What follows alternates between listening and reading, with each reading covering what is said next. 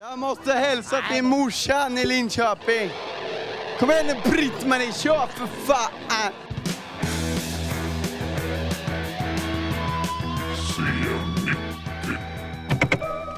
This is Houston. Say again, please. Uh, Houston, we've had a problem. The Beatles are breaking up. Hej, Hur mår du? bra. Vad tittar du på?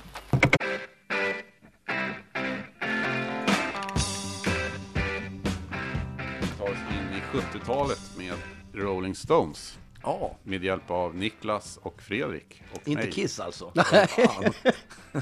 Det var ju då de började? Har jag hört. Exakt. Helvete.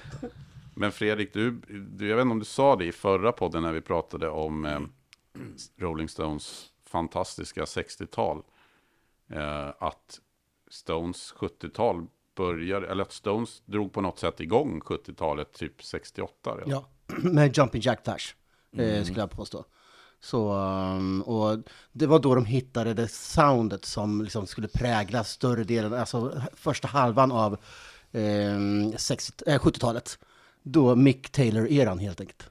För de bytte ju gitarrist då Ja, i 69. Just det. Hur ska man beskriva? Det är liksom li- lite ett steg från eh, blues på ett sätt, eller hur? Från Ja, bluesen mot, alltså- mer, mot mer pop, fast det är liksom i rockkostym. En vit, smutsig variant. Eh, nersupen, nerknarkad. Eh, den som, de satte ju mallen där för alltså, hur smutsig rock kan spelas.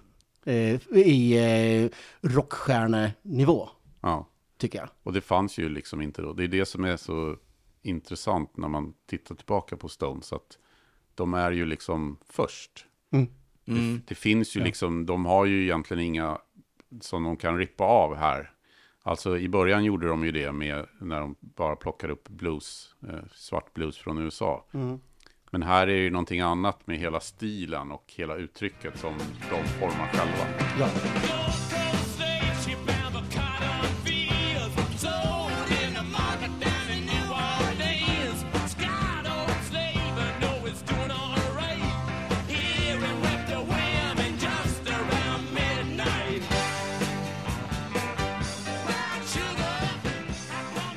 Definitivt. Och du har några som man kan likna är ju Faces. Eh, med Rod Stewart och Ron Wood och Jeff Beck. Ja, men sen du har ju även band som Animals och Pretty Things som, Definitivt. som har ändå rätt mycket liksom rock'n'roll. Attityd. Ja, Och Animals är ju också sånt band som är ofantligt mycket mer än House of the Rising Sun. Liksom. ja Det definitivt. Och Kings. Exakt. Ja, Men, eh, precis. Och, och även har vi ju Yardbird som sedermera sen Ja. eh, Led Zeppelin. Ja, exakt.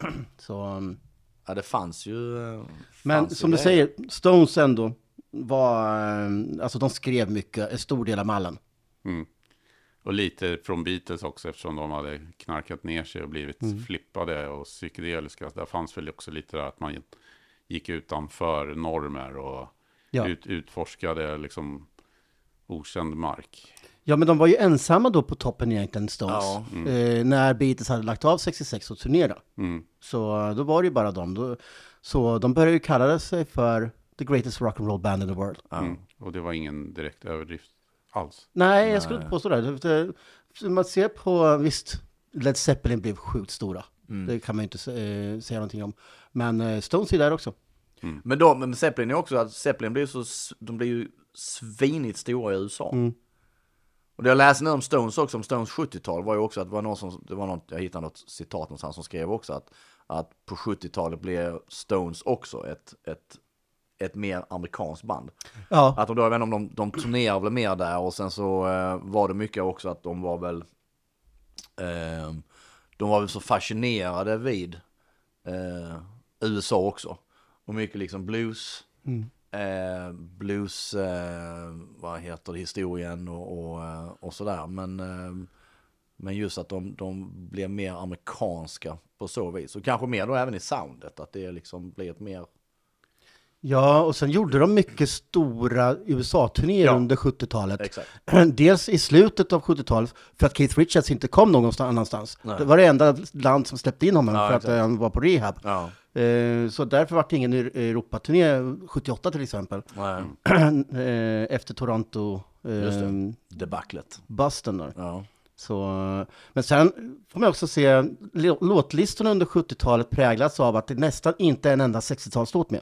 Ja, ja, ja. För att de hade förlorat alla rättigheter till han Alan Klein, som var deras manager. Ja, ja, just det. Så eh, de var väldigt sparsamma med just att använda 60-talslåtar. Det är Jumping Jack Flash, Street Fighting Man. Satisfaction. Ja, men lite ja, sparsamt. i- Alltså i början i alla fall spelade de där, men sen var det ingenting med det.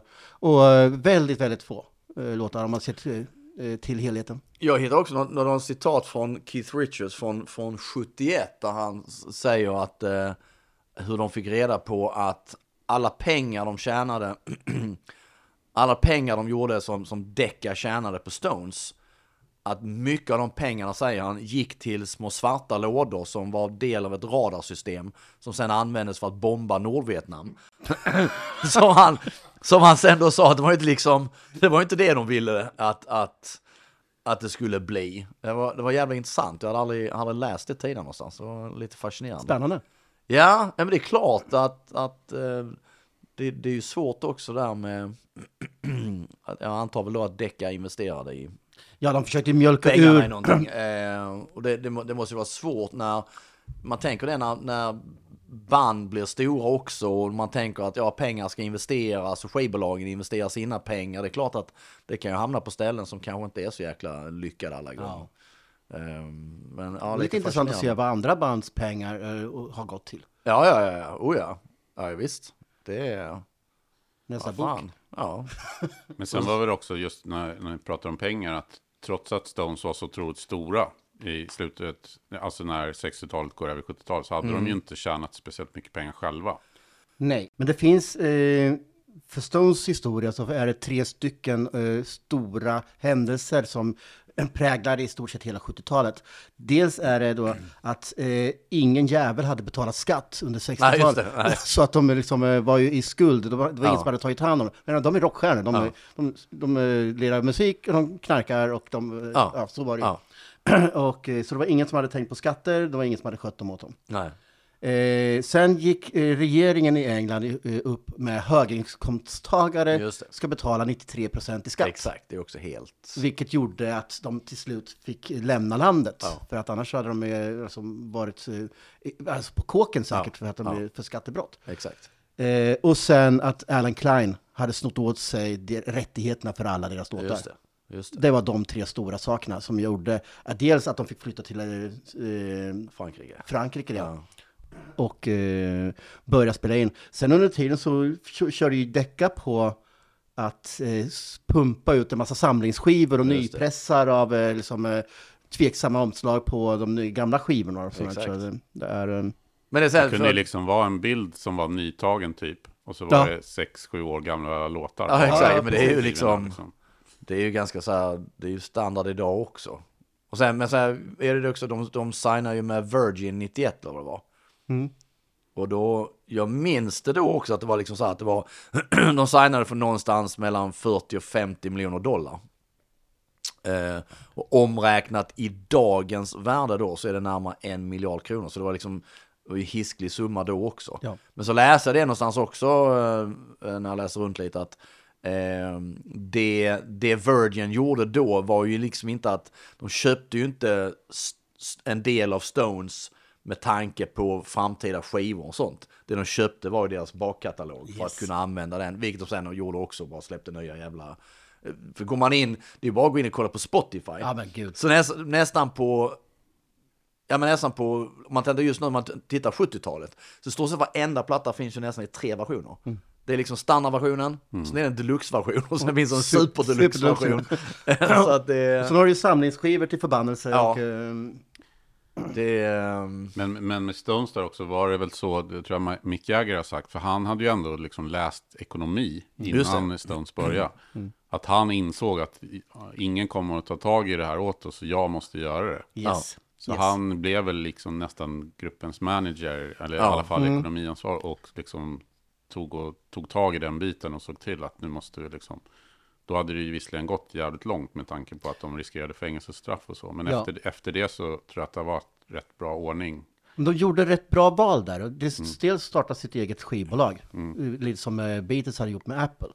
Men eh, också den här eh, loggan, alltså tungan. Ja. eh, Fick de, eh, den har ju gett otroligt mycket pengar i framtiden. För att den liksom symboliserar Rolling Stones. Ja. Det finns ju inte en tröja som är utan den där jävla eh, tungan med. Det var väl någon så här, de hittade väl någon student som gjorde den, eller fasen Ja. var det? Det blev ju extremt eh, lyckat. Ja, den är ju fantastisk. eh. Ja, den är ju hur cool som helst. Och den är ju också väldigt, den passar ju hela Joe bandets Pesci attityd. Ja. Det. Så, och den är en, en modernisering av eh, den indiska guden Kali. Vad sa, Ja, att så han, vad sa du det. att han hette? John Pesci. Ja, okej. Hur man uttalar det, det vet jag Ja, inte. nej, exakt. Så min... Ja. Eh, så eh, det var det. Mick Jagger hade eh, hört med honom om han kunde modernisera den lite. Mm. Vilket han gjorde då och eh, blev ju då den här Stones-tungan Mm. som är. Eh, jag har svårt att se någon annan logo som utan att säga bandnamnet som är större än den. Nej, eh, naturligtvis så är det ju. Motorhead är ju som man ser det. jäkla- Ja, det har du rätt i. Det har du Men, rätt men Stones är ju större än Absolut, Motorhead. klart, Ja, ja, definitivt. absolut, absolut.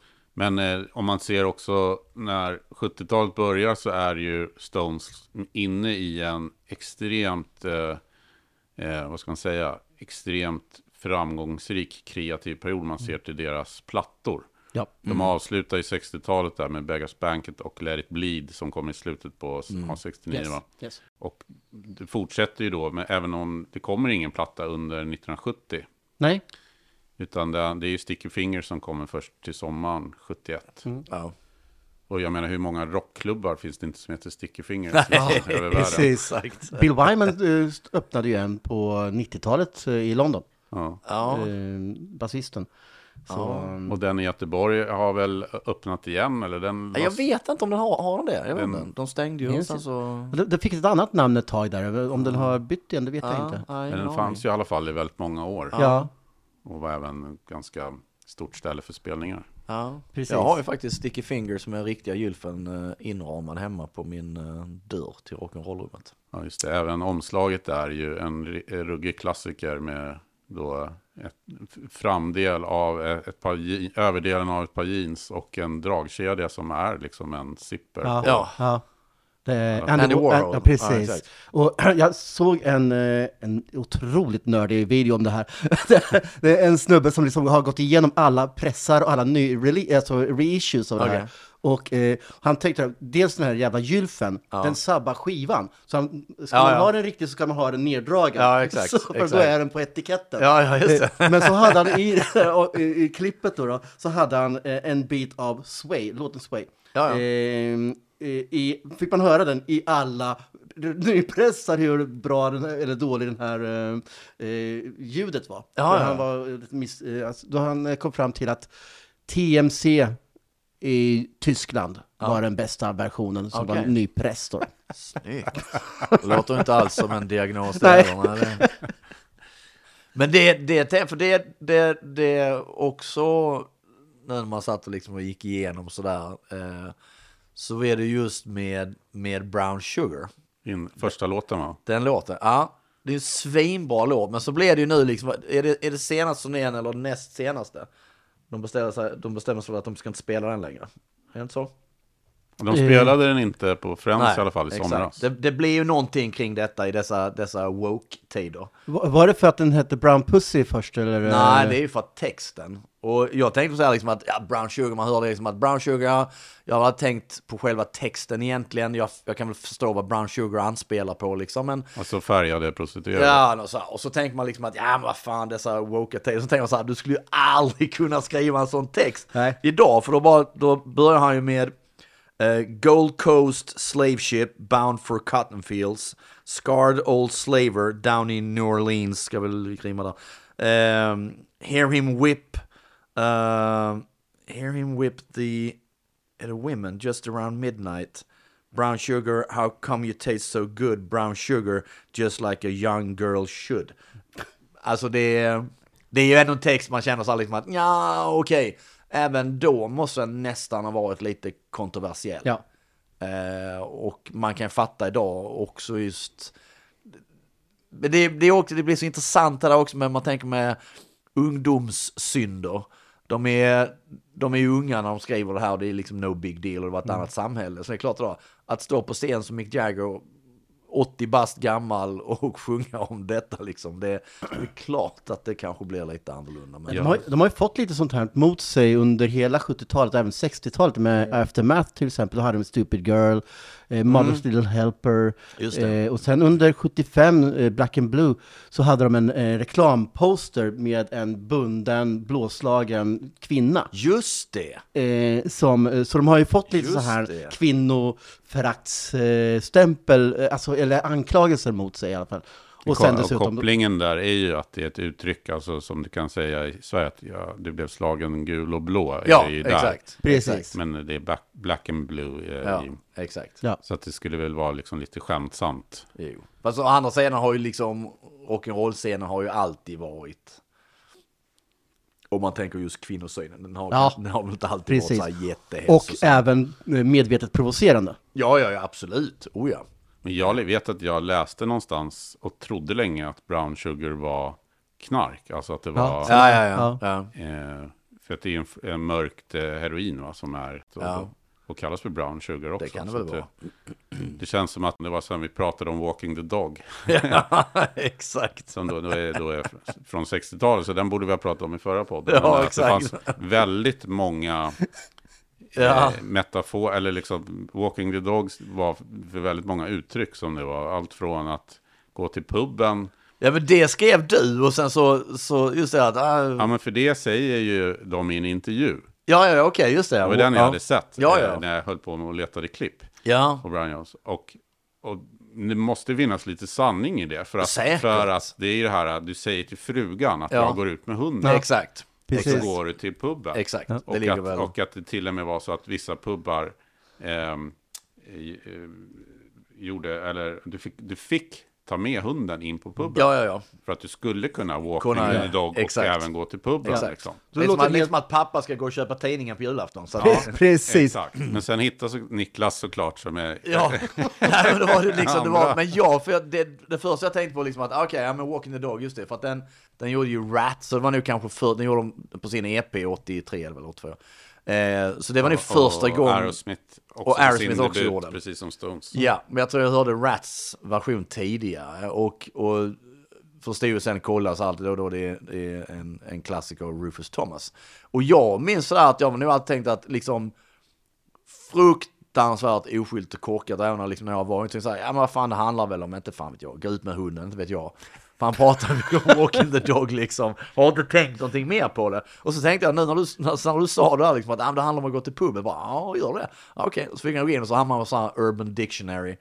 Och då var det ju 50 olika versioner. av Att det var allt från masturbera, Avsugningar får komma här också. ja det var nog exakt blowjob, Mariana. Mariana var det också, att röka marijuana. Det var även att bara gå typ med att ha liksom eh, dongen ut ur brallorna och gå omkring med det. Det var också walking the dog. det var så underbart, jag hade aldrig, aldrig tänkt på det. Och det roliga var först att när du, när du först skrev det så gick jag in och kollade på, eh, på just Walking the Dog och så får man upp liksom, ah, det är en jäkla massa band som har spelat in den. Där var då Rat och Aerosmith är bland de liksom, större banden. Och på den wiki-sidan så börjar man skriva sånt, ja Rufus Thomas i hans version, originalversion, så börjar med att han liksom kallar på sin hund. Mycket så, här, så, jag tänk, så tänkte så här, gå på puben, låter inte stämma inte alls. Han, det handlar om att gå ut med hunden, det står ju här liksom. De säger ju det. Exakt, de säger det, vad fan. Så att, eh, nej, så, sånt är jäkligt roligt. Eh, Men det var ju mycket sånt där snack, alltså när man började intressera sig för musik mycket, för att man Ja. undrade ju mycket om titlar Oh, så här, ja. som man inte förstod. Oh, ja. Och så var det någon som hade hört stories och det var liksom, man, man, det var så man, eller jag lärde mig jättemycket engelska på det viset. Eh, just som att, att, man läste, att man läste texterna. För att det var också det som vi också sagt tusen gånger, att man, en, en skiva hade så större betydelse, man lyssnade mycket mer på den, man satt och lusläste Yes. texter och allt sånt där. Och man, när man liksom är 13-14, man fattar ju inte alltid liksom mamma, keep me coming, vad betyder det? Ja. Så att, eh, men... eh, Och Lady, vad ska Gene Simmons göra i Ladies Room? just, det, just det, det minns jag, det var, det var Nicke Andersson som, just det, han pratade med sin mamma. Frågade morsan. "Vad betyder Ladies room. Nej, han sa, vad fan ska han, vad ska, vad, vad, vad fan ska det Demon in på damerna så göra? så jäkla bra.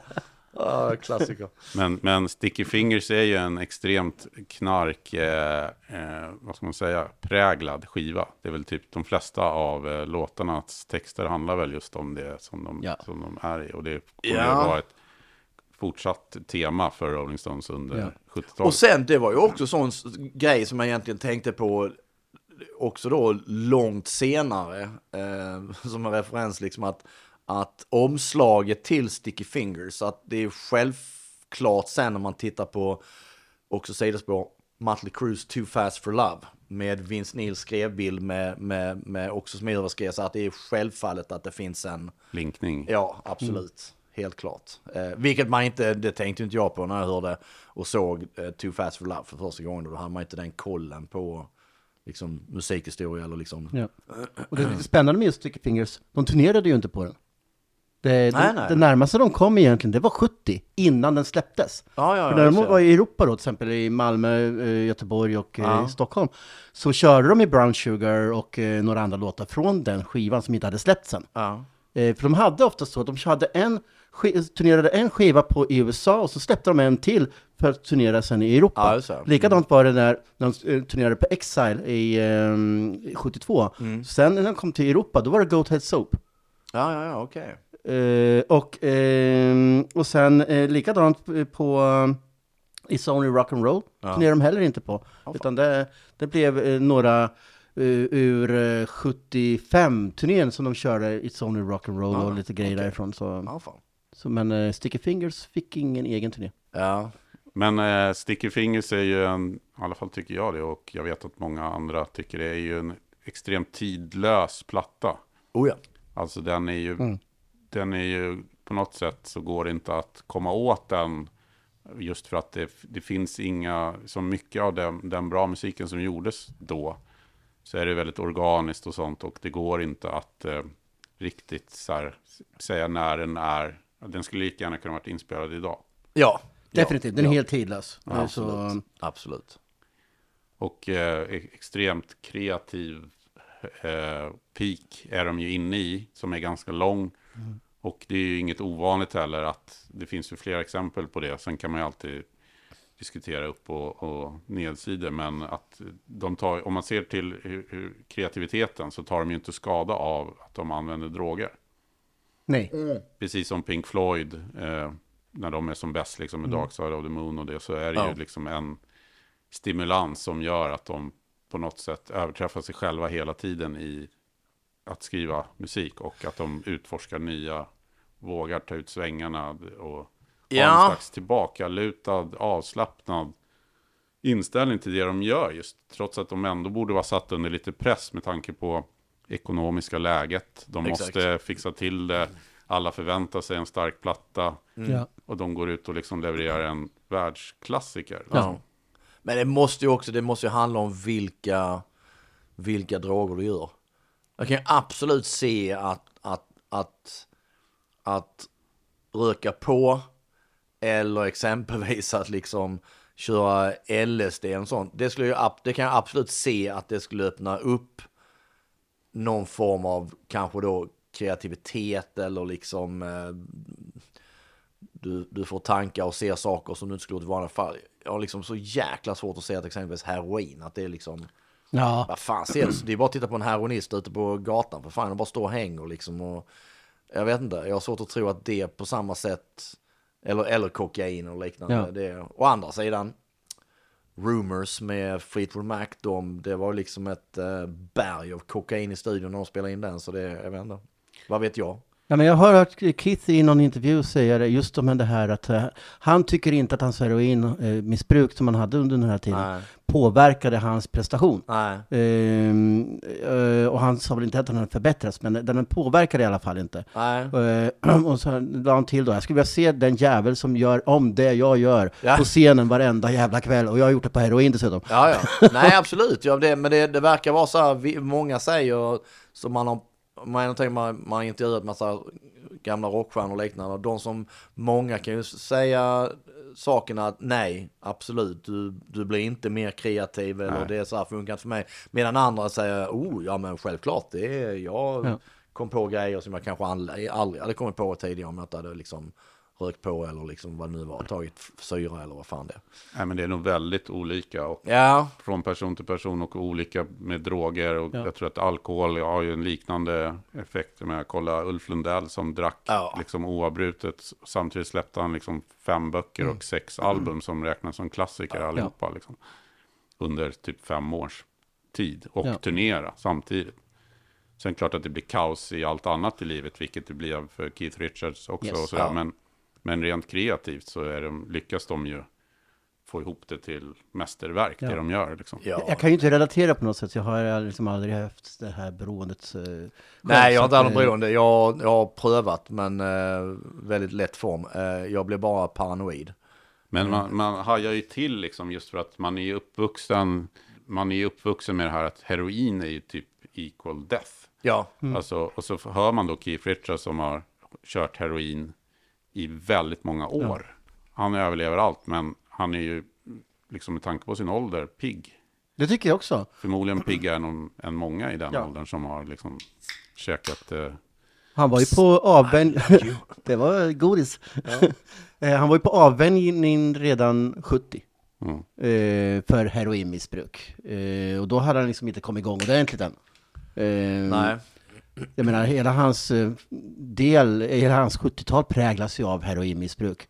Han och Anita Pallenberg. Det, det är mest också det man pratar om, så alla liksom, eller det, det är ju det som är, det är ju det intressanta också, alla de som, sannolikt med 80-talet, alla som, som började köra heroin och liknande, alla säger innan så här, nålar, aldrig, Mm. Ja. aldrig börja injicera, och sen bara, ja, ja.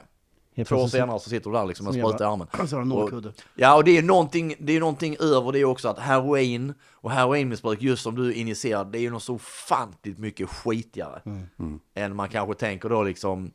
Ja, kokain är ju lika skitigt, men det, de flesta bara snortar upp genom näsan och så blir de väl glada och speedade som Ja. fan liksom. Men, men just det där att sitta och så liksom det är, det är ändå liksom blod och skit och det kan gå fel och det är, nej, det är något, det är förbannat äckligt. Och du drar till den smutsig skara hangarounds också i Absolut, det här. absolut. Eh, och det är, då, det är det han har sj- själv sagt, Keith, eh, att, eh, att kicka heroinet är väl en sak, men att bli av med polarna, Ja, ja, nej, eh, och det är den svåraste saken, alltså att inte börja igen när, när polarna sitter, ska du ta ha lite, ska du ta ha lite, eh, och så vidare. Så.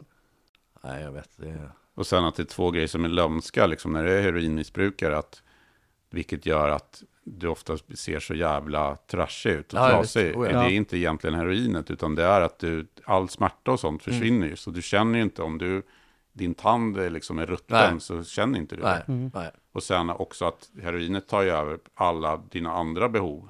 Ja, Så att du skiter i att äta, du skiter i att liksom hygien och så. kamma håret. Alltså heroinet är allt liksom. Mm. Många heroinmissbrukare på skivmässan. Yes, så är det. Med tanke på de dofterna man känner då. Precis. Han inte har duschat på länge. Nej, det är... Sweet mamma. Apropå det, vi var ju där. Ja, vi var där, absolut. Shit vad folk det var. Ja, du köpte det, det får jag vara med ju, att du, du då går och köper en svindyr Rolling Stones-box liksom.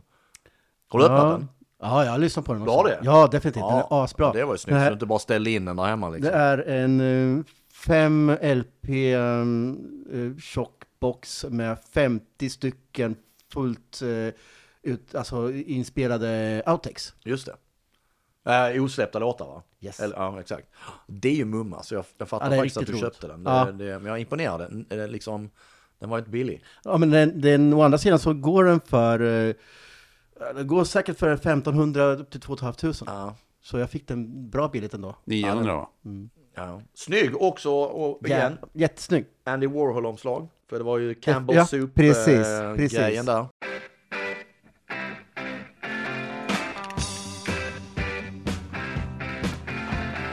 Men, men, innan vi lämnar Sticky Fingers då. Eh, är det Brown Sugar som är favoritlåten? Du har ju Sway där som vi nämnde. Som ja, det, jag gillar den verkligen. Uh, Dead Flowers. Ja. Uh, Wild uh, Horses är ju... Ja. Den är fantastiskt bra. Och um, du har Can, Can't You Hear Me Knocking som jag vet var med i Guitar Can't Hero. you hear me knocking? Ja. För det spelade min dotter om igen, det där äh, lite trixiga riffet. Ah,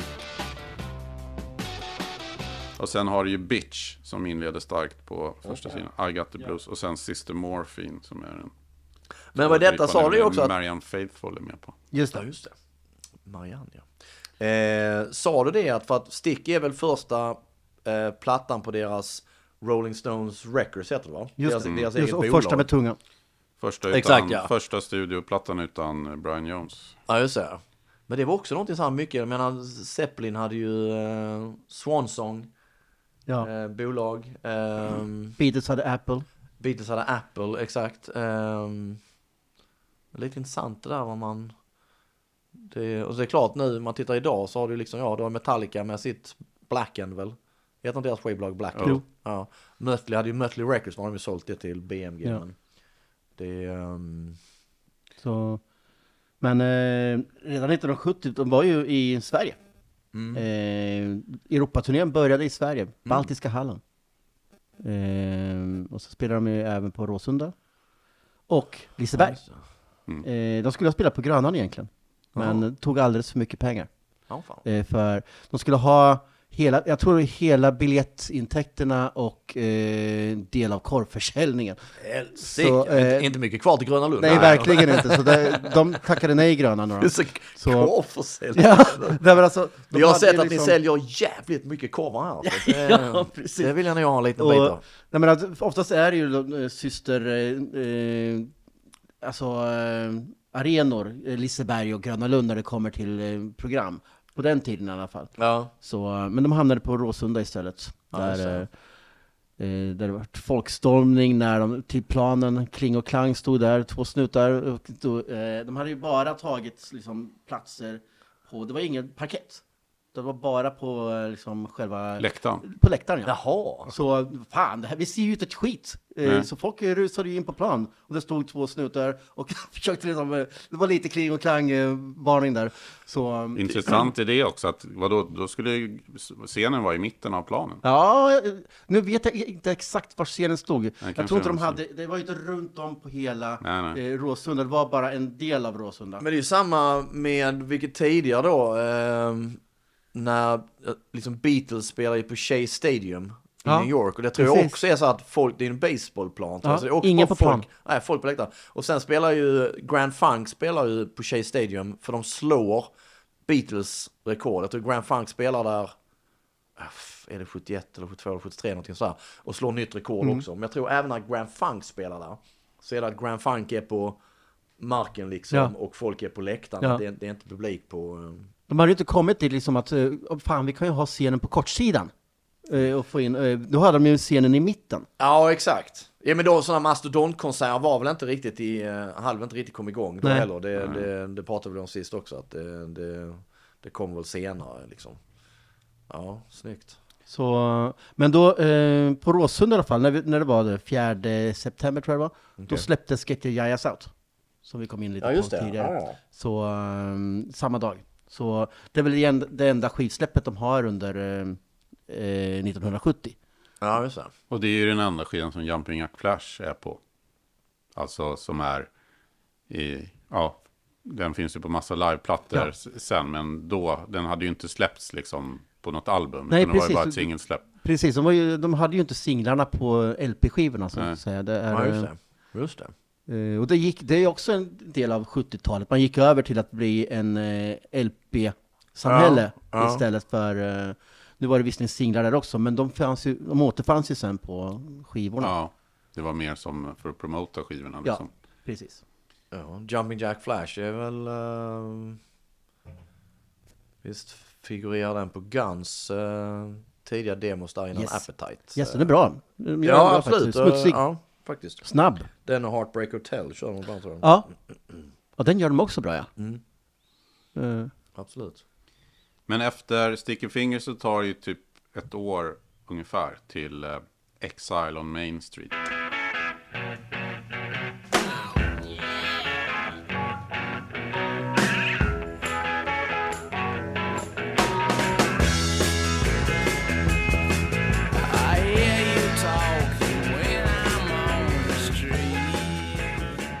Inspelningen där är ganska väl dokumenterad får man säga med tanke på att det, den, det är 1972.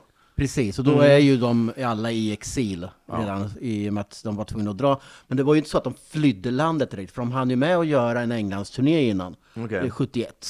Ja. eh, Med några datum som de hade. På den tiden körde man ju två konserter per dag på samma Just arena. det. Eh, En förmiddags, eller en eftermiddagsshow och en Just kvällsshow. det, då. just det. Så det var ju likadant i Göteborg egentligen i eh, 73. Ja. Men så det var ju ingen flykt i det. De hade något datum de skulle vara ute därifrån. Och jag vet att Keith Richards i alla fall åkte på kvällen det datumet. Så han väntade ju in i det längsta. Aha, okej. så, eh, så de var utspridda. Och det här var ju som första skivan också. De var tvungna att lära sig att skriva på ett helt nytt sätt. Ja. Tidigare hade de ju varit som en grupp, precis som Beatles var i början. Eh, de var ju hela tiden tillsammans. Så de kunde bara kracka på hotellrummet och sen ska vi skriva låtar. Jag har den här idén. Nu var de liksom tvungna att planera det här. Ehm, Keith Richards bodde ju i eh, södra Frankrike medan Mick bodde i Paris. Ehm, och ehm, liksom Mick Taylor och Bill, de bodde i Nice till exempel. Så de var lite mer utspridda. Men de använde ju Keith Richards eh, ställe då. Eh, Nell som, ja, precis. Som... Men jag läste det också att, att eh, vad heter det, Wyman och Jagger och Watts inte var så delaktiga i inspelningen. Nej. Och att det var, trots att han var då, eh, körde hårt med Wayne, så var Richards den som var liksom ändå i kontroll på något vis Yes. och höll ihop det där. Yes. Mick Jagger hade ju precis, alltså, de, han gifte sig med Bianca eh, under den här perioden också. Just det. Var jätteuppmärksammat eh, bröllop och han hade lämnat Och Marion så red på hästen på eh, Studio 54. Ja, precis. Så att det, det var ju mycket sånt som, eh, Mm. eh, under den här perioden också. Så att eh, det var ju egentligen privatlivet som var det största för allihopa. Mm. Eh, Keith med si- sina, han var ju arresterad över hela, alltså under hela 70-talet egentligen. Så eh, likadant när eh, Bill Wyman skulle eh, komma dit så vart det ju, blev de ju arresterade på flygplatsen för att det var en, en grej som eh, de hade börjat bråka om med flygplatspersonalen.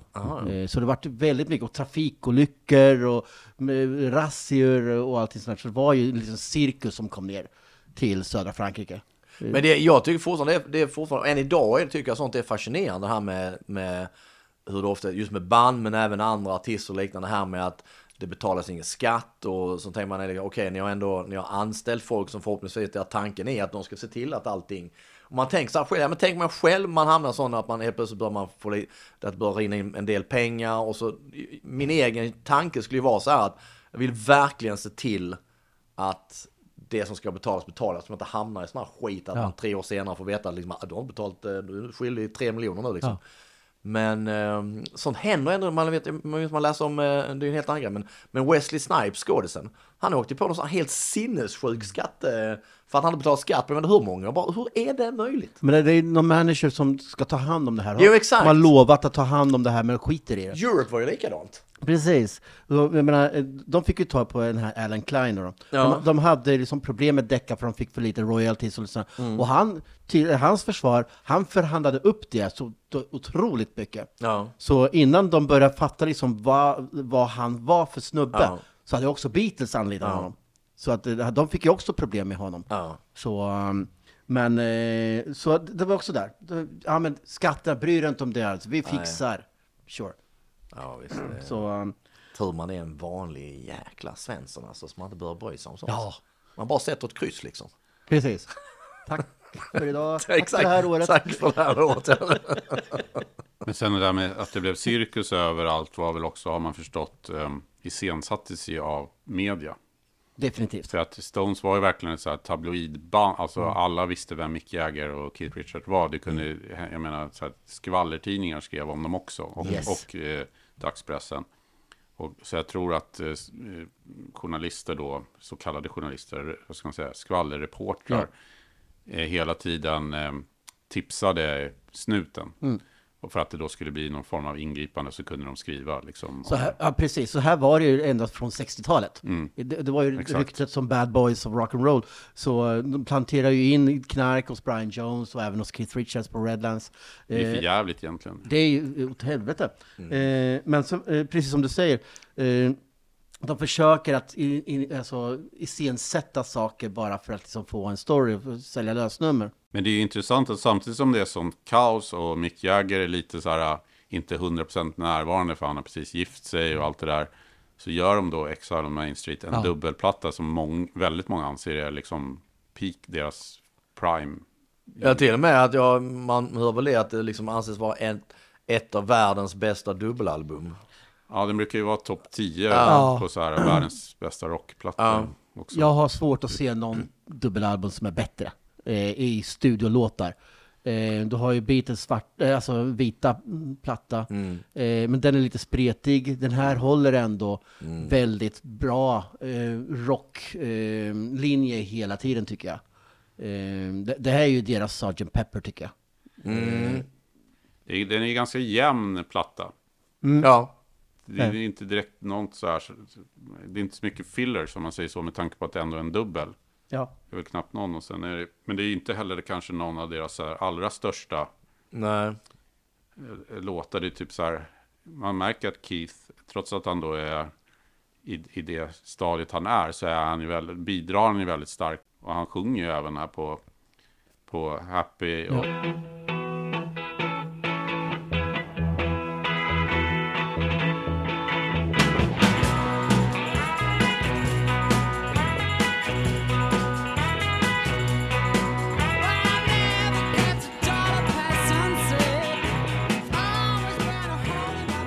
verkligen hittat det här, äh, alltså det där skitiga eh, och eh, med Rocks Off och Rip This Joint och men, men även få det här sköna hänget i Tumbling Dice. Thorn and Frayed. Ja, Dumbing Dines är utan tvekan en av mina stora favoriter med, eh, med Stones. Ja, den, är riktigt, eh, den är riktigt bra. Finns ett förbannat bra, jag vet inte om de finns längre, men jag, jag såg dem på, eh, min svärfar är ju stort eh, Stones-fan då ju. Och eh, vi brukar titta på ett band på Öland, har sett några gånger, sådant coverband. Som, eh, som heter Tumbling Dice, som eh, svinbra, som också gör, liksom inte körde bara de där vanliga Stones-låtarna utan lite, lite andra. Och så Sweet Virginia. Det är ju, Ja, definitivt. Det är svärfars stora, oj oj oj. Men Loving Cup till exempel, den är lite speciell för att den spelades redan på Hyde Park 69. Ja, ja, ja. ja. Eh, på den konserten som vi pratade om förra Ja, avsnittet. just det. Så, eh, men de har ingen Jumping Jack Flash eller Satisfaction Nej. på den här skivan. Nej. Den, den, den klarar sig som en helhet istället. All Jo. Down the Line är väl rätt så... Eh, Shine a Light också. Alltså det är ju jäkligt många bra Sjukt låtar, bra, mycket precis som du säger. Men det kanske inte är så här jättemånga Greatest Hits eh, variant, eh, liksom kandidater så. Men Nej. De, de spelade ju de här, eh, precis som du säger, All Down the Line, Happy. Tumbling eh, Dice spelade de i somras. Eh, Rocksoft spelade de rätt mycket live på under 70-talet också. Ja. Så um, otroligt bra. Mm. Nej, men de har ju ett, ett jäkla driv. Det är ju... Eh, hela hela liksom deras attityd och uttryck är ju efter, efterhärmat. Ja, Ja. Oh, ja. Absolut. Se bara eh, Aerosmith. Mm. Ja, gud ja, absolut. Eh, jag skulle påstå. Van Halen efteråt, det där också som är förlängningen. Sen, sen kom Sunset Strip och eh, menar, Jagger som eh, för, alltså frontman. Ja, och sen, jag menar, och sen, sen Guns N' Roses. Även om Ja, Guns N'. Roses kanske mer tittade på Aerosmith, Ja. men Aerosmith utan tvekan tittade säkert på Stones. ehm, Och, och även Keith här, för han utvecklar ju liksom någon slags, han är ju, det är inte så, jag menar Mick Jagger är ju en frontman, på något sätt är det naturligt att han är en stjärna, men Ja. Keith blir ju liksom en lika stor stjärna som Mick. Ja. Just bara för sin look och sin stil. Ja, Liksom. men vilken look han hade då alltså. Är så, eh, Sa vi det förra att han, det finns ju ingen som ser ut att spela så slappt som han gör. Nej. så jävla avslappnat. Det är helt, ser knappt ut som han spelar ibland. Nej. Liksom, var det... Men det är som du sa här häromdagen, att han är i mallen. Mm, Alltså, oh ja. hela den där stilen är ju Oh ja. liksom tusentals gitarrister som har tagit från att du är den här komp-snubben som står liksom lite Ja. bakom så blir Ja. du plötsligt en stjärna. Men du gör liksom inga yviga gester ändå. Nej. Utan du är bara så jävla Stradlin, tillbakalutad. exakt, Izzy Stradlin i Guns hade Ja, ju en ganska liksom definitivt. Keith, Ja. Keith Ja. ehm, när han lirade. Och då är man klarar av det och vara djupt heroinberoende under den här Det perioden. Alltså det, ja, och, och, så här, och se så... En applåd till det. Precis, och se så jävla cool ut. Ja, ja visst, absolut. Ja, absolut. Men det blir rätt intressant. Jag tycker alltid liksom fascinerat. Eh, allt var just det här med, med faktiskt Mick Jagger. Det kanske tog förra gången också. Just med Ke- eh, Mick Jagger och Keith Richards. Att de blir, de blir ju också här enorma... Eh, ja men de blir sexsymboler och liksom Ja. kvinnor skriker. Men ingen av dem är ju egentligen någon sån där är ingen hunk. Nej men alltså de, de har ju inte, de har inga klockrena så här, exakt, hank utseende eller så här liksom naturliga skönheter på något vis. Keith Richards ser ju även liksom, han ser ju både på 60-talet och sen på 70-talet, han ser ju tämligen sliten ut med kassa brittiska tänder. Ja, ja. Mick Jagger har ju ett ganska... Jätteöron. Ja, och Mick Jagger har liksom ganska underligt utseende med de här läpparna och liksom som dominerar hela ansiktet på något vis. Men eh, ja, nej, det, det är jävligt intressant det där. Ändå har de ju någonting. Vilket man då eh, även som heterosexuell man kan fatta det liksom och se att det, det Ja, men det är karis- absolut. Ja, det, är- det, karisma. är, det är någonting. Det Definitivt. är, eh, quality. det är någon jävla eh, elektriskt över dem också. Och återigen, Jagger liksom, han är ju också en av de där som bara, fan, det, han är ju, han är ju född för att stå på en scen. Ja. ja men, Det, vissa är ju bara så här, liksom, det är som att det är deras absolut naturliga habitat, liksom, att ja, det är på scen jag ska vara. Mm. Det, det är ett jävla, det är liksom ett skådespelande och ett liksom, man, man släpper på allt och han, han är utan tvekan en av de som bara är så jäkla naturlig. Ja. Det ser aldrig konstlat ut, utan allt han gör, alla rörelser, bara så här, ja, det är så han är. Det är nej, jävligt coolt alltså.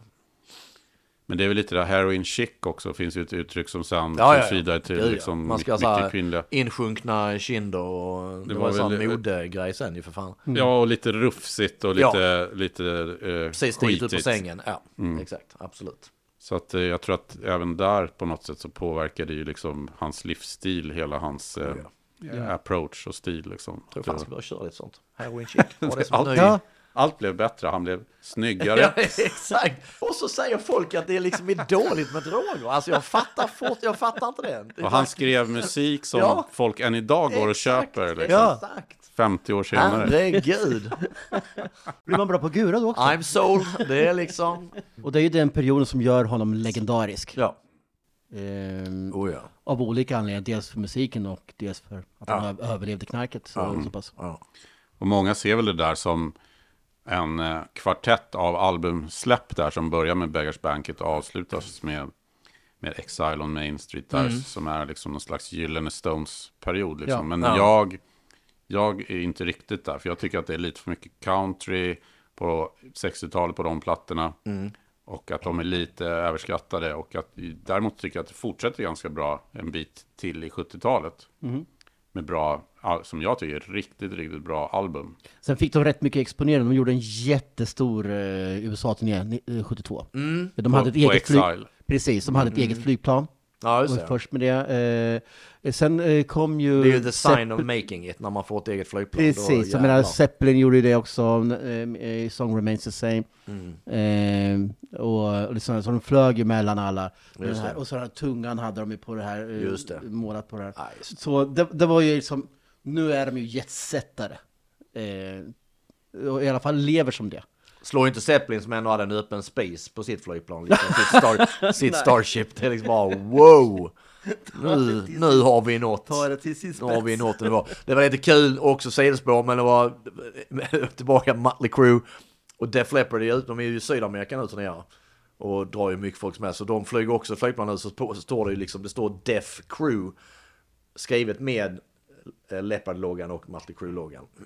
och eh, då var det någon som, som lagt upp det på, om det var på Nicky Six eh, Facebook eller Instagram, någon hade, så hade någon, han lagt upp en bild där det står Def Crew och sånt så här på planet. Och så var det någon som hade kommenterat så här liksom att ah, det hade varit coolare om de hade skrivit ut hela båda bandnamnen till fullo liksom. Så hade Nicky Six svarat Absolut, vi ska se till att vi pratar med dig nästa gång så att vi, så att vi gör rätt. Alltså, det var lite roligt ändå liksom, vad fan. Folk liksom. Gud. Men jag vet ju att Metallica jag hade ju också ett eget flygplan när de, eh, när de eh, under svarta skivan. Eh, men Iron Maiden tycker jag är egentligen är coolast. De hade ju faktiskt sångaren som flög dem. Absolut, Ed Force One, alltså 747 det kommer inte finnas något som slår det. Det är Nej. liksom helt sinnessjukt. Jo men det, det, det, det kom, det jag tror jag det kom, det började väl på 70-talet med det och framförallt med Zeppelin, med Starship och, och så här att du ska flyga. Och det handlar naturligtvis också om att, att tjäna pengar, snabbt ta dig från ett ställe till ett Ja. annat och, och såna här grejer. Eh, och när du spelar sådana, Zeppelin var ju också på den nivån, det var ju mastodontkonserter i USA liksom. Ja, ja. Det var så jävla mycket folk. Men sen blev det, menar, Mötley Crüe, eh, Bon Jovi, eh, alla de här hade ju också på, på slutet av 80-talet och många hade, jag tror både Bon Jovi och Mötley Crüe och även Metallica under svarta plattan, det är den MGM eh, hotellets, eh, eller, eller vad säger MGM är ju liksom eh, Metro Goldwyn Mayer, det är filmbolagets gamla flygplan som de flög med liksom, som målas Ja. om och så här. Det, eh, och numera är det för de, jag menar de riktigt stora nu så är det ju också, det är ju, ska du turnera i exempelvis USA eller i Europa så är det ju så de gör. De, de, tar, de har ju en hubb någonstans. Ja. Och så efter giget så flyger du tillbaka det i två timmar så är du där liksom. Och det, jag menar, ja visst, det, det kostar ju pengar men i sam- slutändan också så är det väl också att de tjänar pengar på Ja. det. Men Metallica kör ju samma sak. Det- Ja. De har väl, jag tror det är London, Köpenhamn Ja. och eh, kan det vara någonstans i Tyskland säkert eh, som de har som hubbar varenda gång de är i Europa. Absolut. Så, Ja. och, men eh, jag minns inte riktigt hur eh, de gjorde 73 när de var i eh, Europa, Rolling Stones, eh, på just eh, Goats eh, fortsättningen av Exile egentligen. Mm. Så var de också i, i, i Sverige. Ja. Göteborg, två spelningar. Och de hade eh, sjätte i tionde förresten, var de i Göteborg. Två Okej. stycken, en förmiddagsspelning och sen en kvällsspelning. Så. Men eh, där kommer ju också, nu börjar det vackla i, i ridåerna här för att eh, Mick Taylor vill sluta. Mm. Den, som, det. den som lyssnar på Mick Taylors spel så är han en stor bidragande faktor till också eh, hur eh, låtarna, solorna i låtarna är eh, uppbyggda. Med Mm. Helt fantastiska. Ja. Eh, Vi har ju faktiskt inte nämnt honom förrän nu. Det var ju Brian Jones eh, efterträdare. Ja. yes. Och han liksom, när han kom in i Stones så var han liksom vegetarian, han drack inte, han, eh, han knarkade inte, jag tror han rökte. Ja. Eh, men när han under 72 så är han ju fullblodig heroinist. Ja. Eh, och alkoholist. Eh, och, Så spela in Exile on Main Street och vara nykterist. ah, nej, det går ju inte. du kan inte göra Jag tror det måste vara svårt i alla Man har ju sett de här, liksom, det att, finns eh, ju liksom en dokumentär, Cocksucker Blues. Kax, ah, Den är väl inspelad mycket från när de är i Frankrike där. Precis. Och, och eh, alltså det är, ju- man ser ju att det är väldigt speciell sätt att spela in på. Liksom. yes. Där har du den här flygplansscenen förresten, det är från den. Okej, Ja, ja. ja, okej. Eh, Det är ju en väldigt, eh, Känner att jag måste kolla in den där flygplatsen. ja. den är, det är ju en känd dokumentär och den är ju väldigt speciell. Liksom, Mm. För att den är väldigt, eh, vad ska man säga, den är ostrukturerad. Uppbyggd, det är egentligen bara en massa klipp så här. ja, Och så. så det är många som har tagit efter det Ja. där när det gäller att Ja. göra rockdokumentär. Att Ja. du inte har det här strikta berättandet, utan det blir bara som en slags Är man inte väldigt nördig så är den skittråkig. Ja, jag tror att den, eh, det, det, den har ett lite, den är lite överskattad. Den nämns ju ofta som så här en, en, en, eh, väldigt så här känd eh, dokumentär om Ja. rock. Pra- Pratade vi om din bok förra gången? jag tror vi gör det varenda avsnitt. Nej men om den, den, den, eh, om, om eh, stället i Frankrike. Ja, att det var någon som hade gjort en bok om Just det. Den här huset. norrmannen Just det. det Eh, upp det, Geir? Hörnes. Ja, Åh, han har ju gjort den värsta boken. för det är ju superdiagnos. Ja men verkligen. Alltså han åkte ner och sen, eh, han, han är en snubbe som, eh, som eh, åker runt till olika platser för att det är eh, alltså, någon form av musikalisk historisk händelse till exempel. Typ åka till huset för Black Sabbaths eh, ja, ja. första skiva, Okej. eller vad det nu kan vara.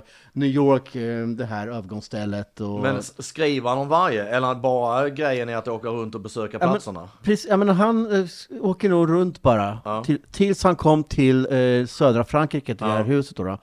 Och började skriva om det, för det egentligen skulle det bara vara på en, en liten rapport på typ eh, ett A4-ark.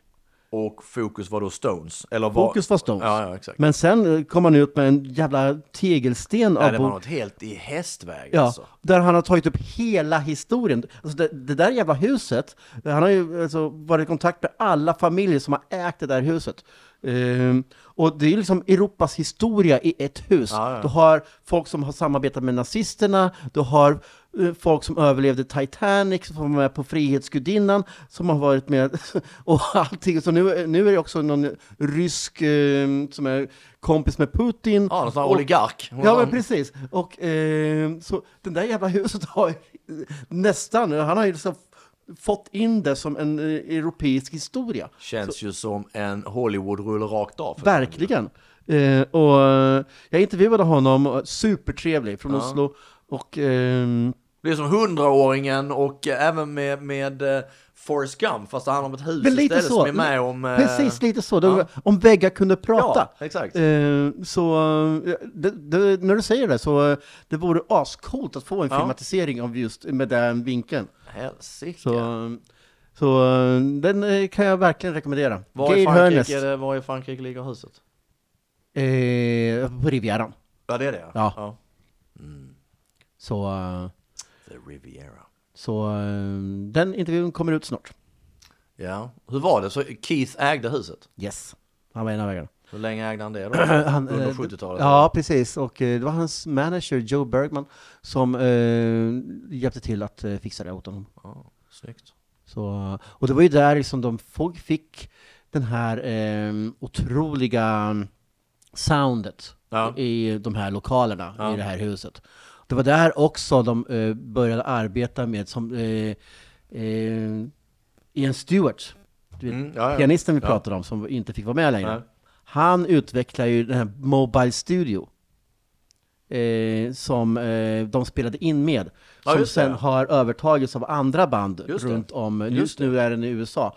Eh, men eh, som många har gjort sina... Status Code till exempel gjorde sin liveskiva med 77 med den. Ja, för den Stones Mobile, vad det nu heter, Mobile Studio, vad fasen Ja. den heter liksom. Det är ehm, den, man har ju läst om den på skivor, man har ju liksom fattat att den har ju använts så in i helsike. Ja. Och att den blev, den blev liksom, ehm, den blev jäkligt hipp och att det var en ny grej. Mm. Att du helt enkelt sånt att, ja men fasen, också där, ja ja. Eh, Vi vill spela in det här huset eller på den här platsen, lugnt. Ja. Vi, vi hyr in den bara, så kör Precis. vi dit den och så precis. spelar vi in. Vi, vi kan inte hålla på och flytta alla grejer hela Nej, tiden exakt. överallt för att få det perfekta ljudet. När money is no object. Exakt. Då liksom, eh, vi bygger in skiten i en Ja. jävla lastbil och vad det var. Och, eh, men det gick ju bra och Ja, eh, de har nog tjänat multum på Säkert. den eh, också. Säkert. Eh, som, ja, de är bra på de här eh, stora besluten som faktiskt också Ja. eh, håller sen. Ja, och som kan, de kan dra nytta av och som gagnar andra. Det Precis. Liksom, ja, ja, det är så. Så eh, vad var det vi såg? Det var ju just eh, eh, även under Black Sabbath tror jag jag spelat in med den också. Ja, det kan det säkert ha varit. Absolut, absolut. Så, Ja, ja, coolt. Coolt. Men det är ju eh, Goats Head Soap som eh, följer upp Exile on Main Street. Jag tycker det är en grym platta. ja, jag håller med dig. Eh, med, eh, och de får ju även en eh, singel-etta där i USA med Angie.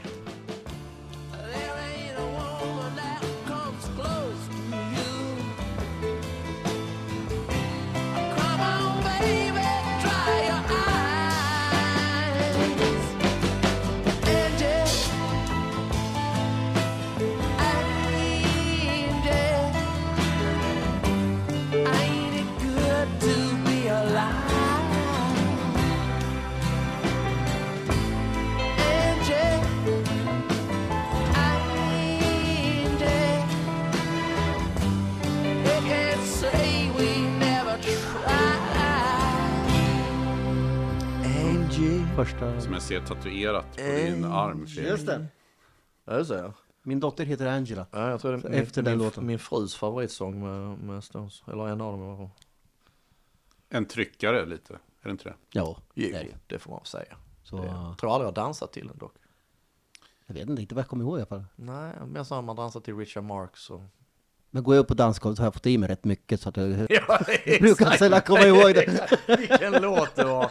Nej, nej det är, man dansar ju sällan nykter så det ska ju gudarna veta. Fy fasen, tänk, tänk få se sig själv filmad när man Ja, dansar. Det vill man nog fasen inte se alltså. Men då, då är det Britt-Marie moment. Det är, det är det utan tvekan. Jag vet, jag vet att man, när, när jag pluggade och så hade jag, hade jag tjejkompisar som bodde i Halmstad igen, så vi var, vi var nere där och festade mycket. Då var det ett jäkla dansande. Det, det hade man ju inte velat se på film idag liksom. Det är- Helsike. Men det är ju få som ser bra ut när de dansar. Ah, åh gud ja. ja. Nej, fy fasen. Det är väl typ John Travolta i, Ja, i exakt. Saturday Ja. Night Fever. Exakt. Och alla tror man är John Travolta. Ja, exakt. Jag Ja, ja. älskar Billy Crystal i Harry, uh, Harry träffar Sally eller Harry Sally. Liksom han kör en Doing the white man's overbite ja. och det ligger lite i det att alla liksom, nu stuffar jag, nu jäklar.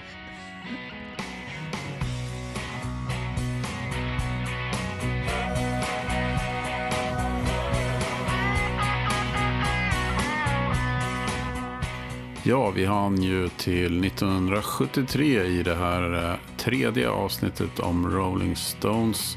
Ett avsnitt där vi fokuserade på 70-talet och det kommer vi ju även att göra i del 4. Så håll utkik efter det. Förhoppningsvis är det snart ute. Glöm inte att följa Zenity-podden på Facebook och Instagram. Hey!